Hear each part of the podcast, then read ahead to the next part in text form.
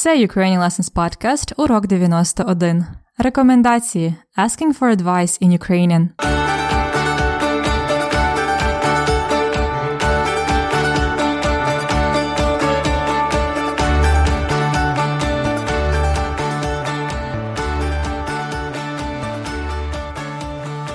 Вітаю! Ви слухаєте подкаст Уроки української. Це Анна, ваша вчителька української. Як справи?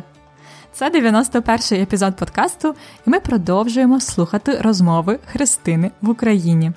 Нагадую, що Христина або Крістен це американка українського походження.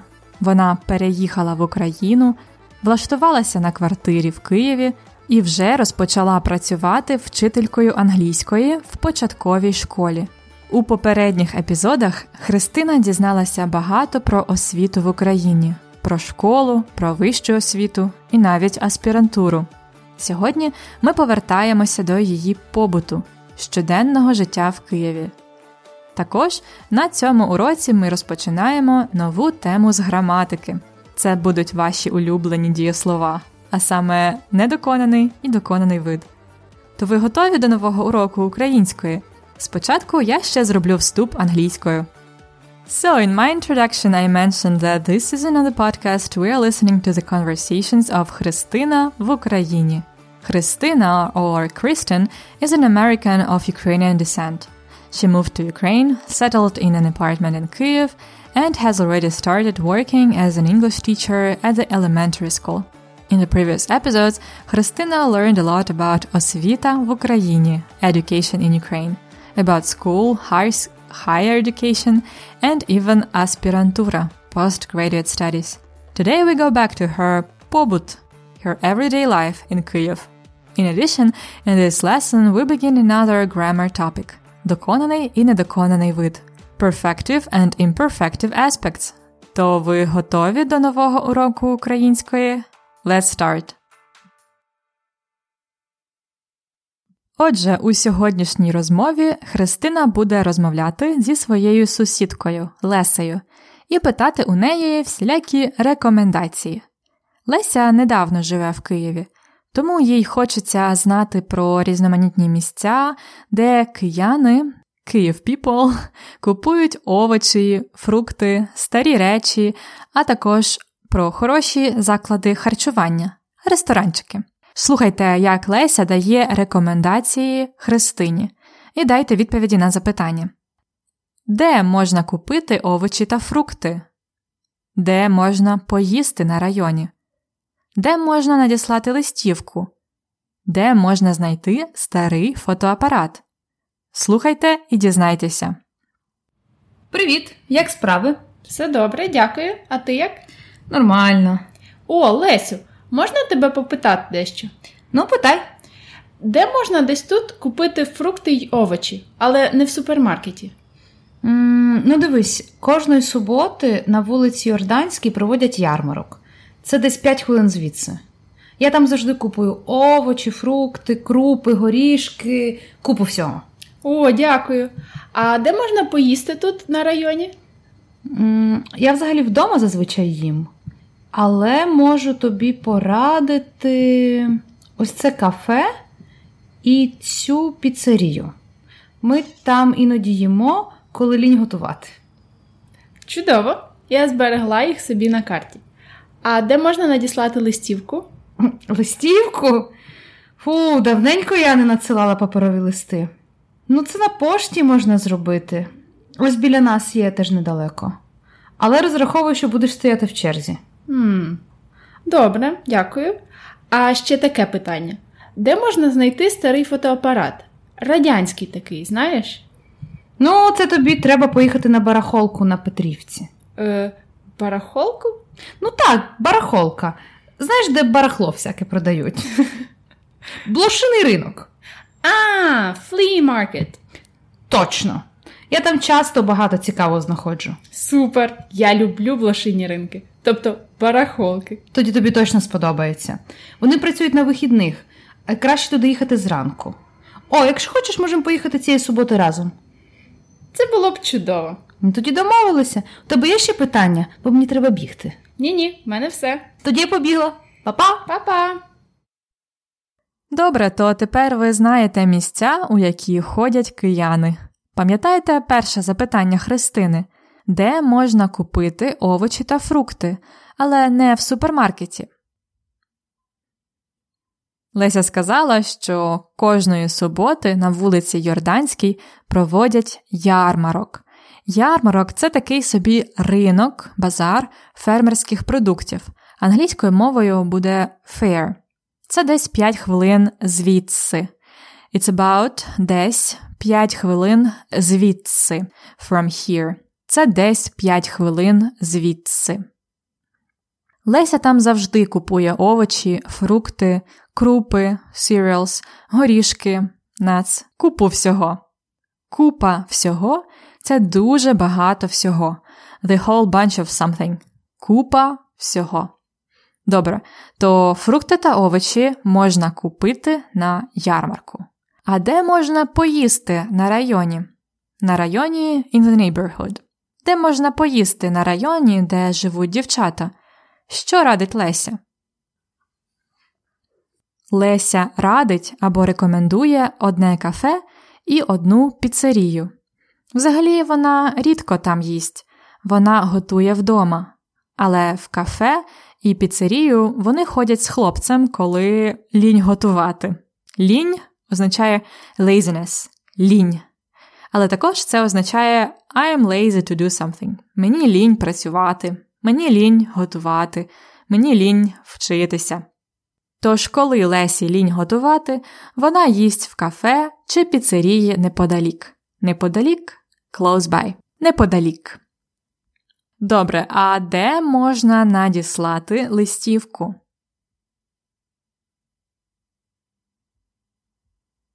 Леся давненько не надсилала паперові листи, не надсилала паперові листи, але це можна зробити на пошті, тут недалеко, на пошті. І ще одне запитання: де можна знайти старий фотоапарат? Христина шукає старий фотоапарат. Старий такий, радянський, Soviet one. Леся каже, що старий фотоапарат можна знайти на барахолці. Пам'ятаєте, що таке барахолка? Барахолка. Flea market. Барахолка. Це дуже неформальне слово, бо барахло означає junk, old stuff. Барахло, барахолка. А взагалі, flea market – це блошиний ринок, literally, блошиний ринок. На блошиному ринку Леся часто знаходить багато цікавого. Найбільший блошиний ринок в Києві знаходиться на Петрівці. Леся запрошує Христину поїхати туди разом цієї суботи. Здається, Христина дуже рада, що зможе побувати на барахолці. І в кінці Леся каже: Мені треба бігти. I have to run. I have to go right now. Мені треба бігти. І на цьому все. А зараз поговоримо трохи про вашу улюблену граматику.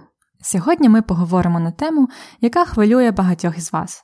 Це доконаний і недоконаний вид perfective and imperfective aspects. Пам'ятаєте це? Наприклад, я готую піцу це недоконаний. Я приготувала піцу це доконаний. Піца вже готова. Сьогодні ми згадаємо, як використовувати види. Для початку послухайте, будь ласка, уривки з діалогу і спробуйте знайти пари доконаного і недоконаного виду. Слухайте перший уривок. Де можна десь тут купити фрукти й овочі, але не в супермаркеті? М, ну, дивись, кожної суботи на вулиці Йорданській проводять ярмарок. Я там завжди купую овочі, фрукти, крупи, горішки, купу всього. Яка тут пара? Купити і купувати. Купити це доконаний вид, купувати недоконаний. Другий уривок. А де можна поїсти тут на районі? М, Я взагалі вдома зазвичай їм. Які тут дієслова? Поїсти і їсти. Поїсти це доконаний вид, їсти недоконаний. Третій уривок. А де можна надіслати листівку? Листівку? Фу, давненько я не надсилала паперові листи. Тут дієслова надіслати і надсилати. Надіслати це доконаний вид, надсилати недоконаний. І останній уривок. Де можна знайти старий фотоапарат? Ну, це тобі треба поїхати на барахолку на Петрівці. Я там часто багато цікавого знаходжу. Знайти і знаходити. Знайти це доконаний вид, знаходити недоконаний.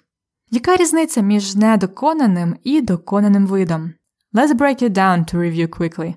First of all, it's a one-time action versus a regular action. So all these questions like де можна купити фрукти та овочі, де можна надіслати листівку, де можна знайти старий фотоапарат.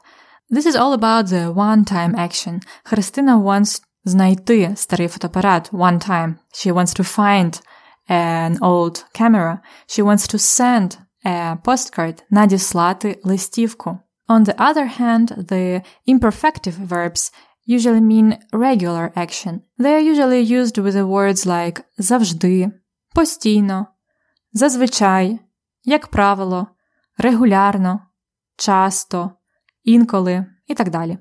Наприклад, я там завжди купую овочі та фрукти. I always buy my fruit and vegetables there. Я рідко надсилаю листівки. I rarely send postcards. Я часто знаходжу багато цікавого на блошиному ринку. I often find a lot of interesting things uh, at the flea market. So this is the first opposition of one-time action and regular action. Also, we have the opposition of result and process. The result is perfective, of course. It's um, especially used with words like вже, уже, нарешті. And uh, the result is, for example, Христина купила на ярмарку крупи та горішки. So she already has her cereals and nuts, so she has a result. Вона вже купила на ярмарку. Христина надіслала листівку своїй американській подрузі. Це результат. Листівка вже надіслана. On the other hand, the imperfective verbs mean the process. Леся зараз на ярмарку. Вона купує продукти. Леся давно не надсилала паперові листи. Це давно не надсилала. It's the process in the past, the process of not doing something, basically. At last, when there are two or more actions, perfective and imperfective verbs can mean sequence of actions, it's perfective, or simultaneous actions, imperfective. The sequence of actions is, for example, Спочатку Христина купила овочі на ярмарку, а тоді надіслала листівку на пошті. These actions are uh, in sequence. Вона купила овочі, а потім надіслала листівку.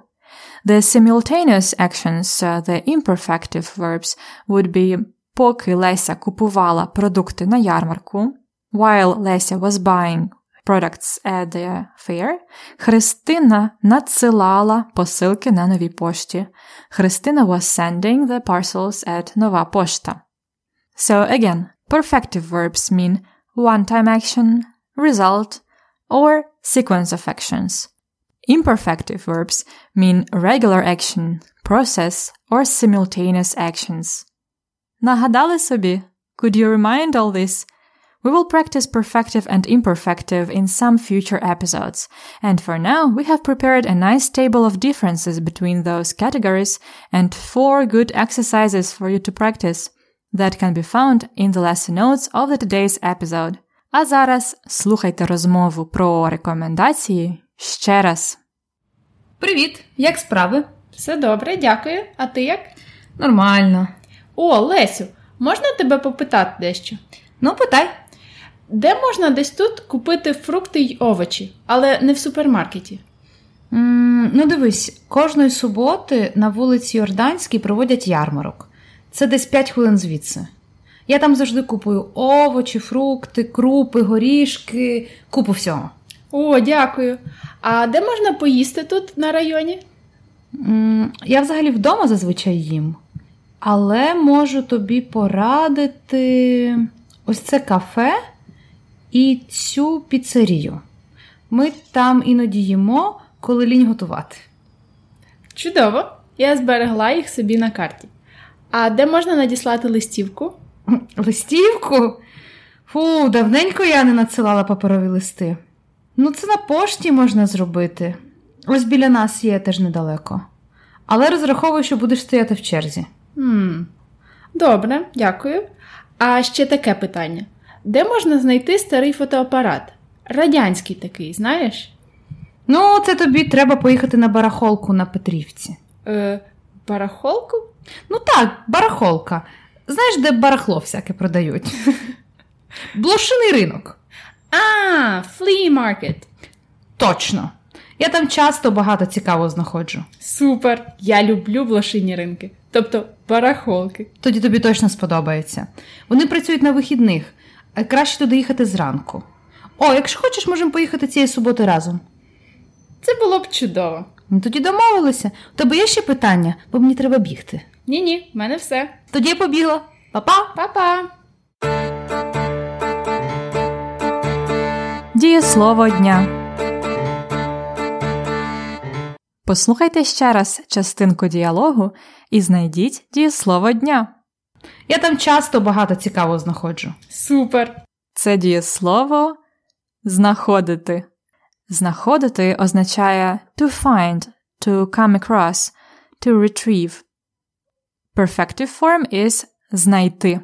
I have picked this one because the conjugation of it is a bit special and it's similar to ходити і йти, to go.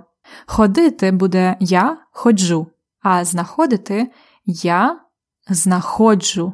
Наголос на О. Я знаходжу. Ти знаходиш. So я знаходжу, джу, but then we have only d, no ж. Ти знаходиш. Він знаходить. Яка це дієвідміна? Це друга дієвідміна. Иш, ить. Тому ми знаходимо. Ви знаходите, і вони знаходять. У минулому часі знаходити буде вона знаходила. Вони знаходили.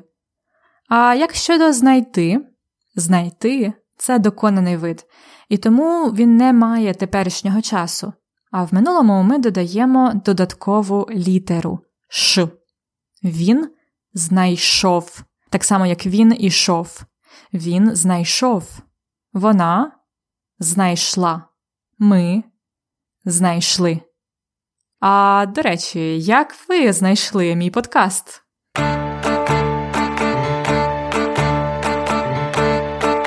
Фразеологізм дня. Сьогоднішній фразеологізм також має дієслово знайти. Це. Це фразеологізм знайти спільну мову або знаходити спільну мову. Literally, to find a common language – спільна мова. It means to find common ground, to find it easy to talk to someone, to connect with someone, to hit it off. Леся і Христина швидко знайшли спільну мову. Можливо, вони скоро стануть найкращими подругами. Леся and Христина quickly connected. Maybe they will become best friends soon. It can also mean to come to terms, to come to an understanding. На жаль, ми так і не знайшли спільної мови з цим студентом. Unfortunately, we have never come to an understanding with this student. На жаль, ми так і не знайшли спільної мови з цим студентом. Я сподіваюсь, ми з вами знаходимо спільну мову. Українську мову.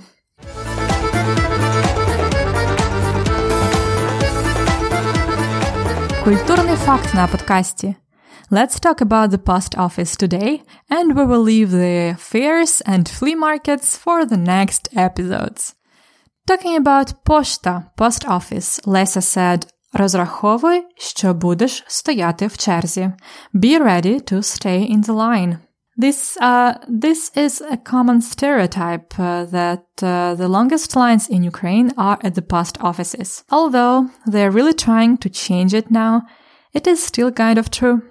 In Ukraine, the main post office is called Ukrposhta. It's a state organization and it, ha- it has a yellow logo. You can send listy, letters, listivki, postcards, or buy marki, stamps.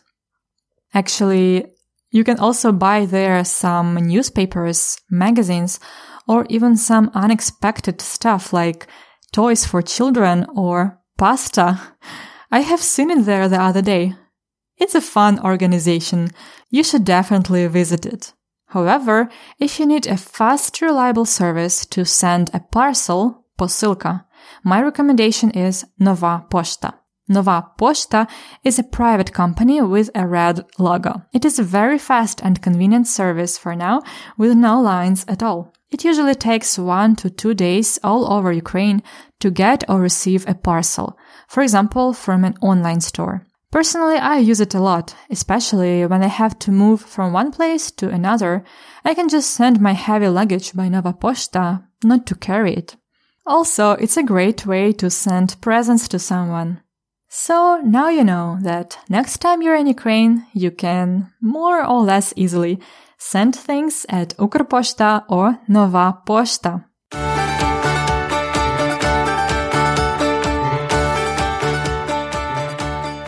І це все на сьогодні. Сподіваюсь, вам подобаються наші міні-розмови Христини в Україні. Ці розмови мають бути досить прості. Це і є розмовна українська мова, потрібна вам для спілкування з людьми. As always, you can find more practice and additional materials in the PDF lesson notes of this episode. To get the lesson notes weekly, find out how to become a premium member at ukrainianlessons.com slash episode 91. ukrainianlessons.com slash 91. А я прощаюся з вами до наступного уроку. Всього чудового! Па-па!